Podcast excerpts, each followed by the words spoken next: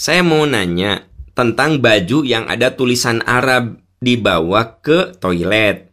Saya punya baju ada tulisan Arab Ali bin Abi Thalib, ada eh, apa baju satu lagi panji Rasulullah ada tulisan La ilaha illallah.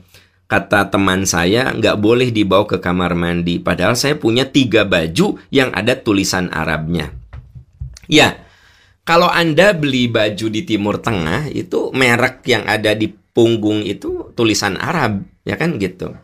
Jadi sebenarnya ya, apalagi itu ada baju kan sekarang ada tulisan Arab Ali bin Abi Thalib, ya.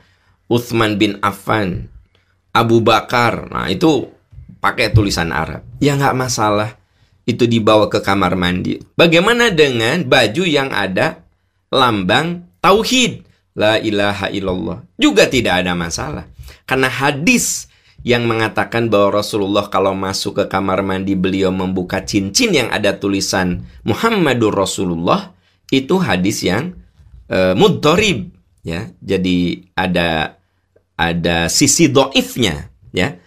Jadi sebenarnya tidak ada masalah Anda masuk ke kamar mandi bawa HP di dalam HP Anda ada software Al-Quran. Sekarang banyak di dalam HP itu software Al-Quran kan gitu.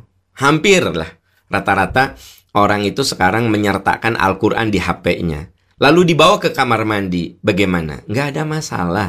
Ya, Ibu-ibu di dalam tasnya ada Al-Quran masuk ke kamar mandi. Nggak ada masalah. Hadis yang mengatakan bahwa Rasulullah mau masuk ke kamar mandi melepas cincinnya itu hadis yang lemah. Kalau hadis lemah itu tidak bisa dijadikan dasar hukum. Nah, termasuk di dalamnya baju yang ada kalimat tauhidnya, topi yang ada kalimat tauhidnya, tidak ada masalah dibawa ke kamar mandi. Apalagi cuma nama yang ditulis pakai bahasa Arab, ya. Ya, Persib itu tulisan Arab ada sekarang, Persib, ya kan? Jadi walaupun sering kalah tetap Persib. Nah, pakai tulisan Arab. Boleh tidak? Ya boleh-boleh saja. Ya, tidak ada masalah. Begitu.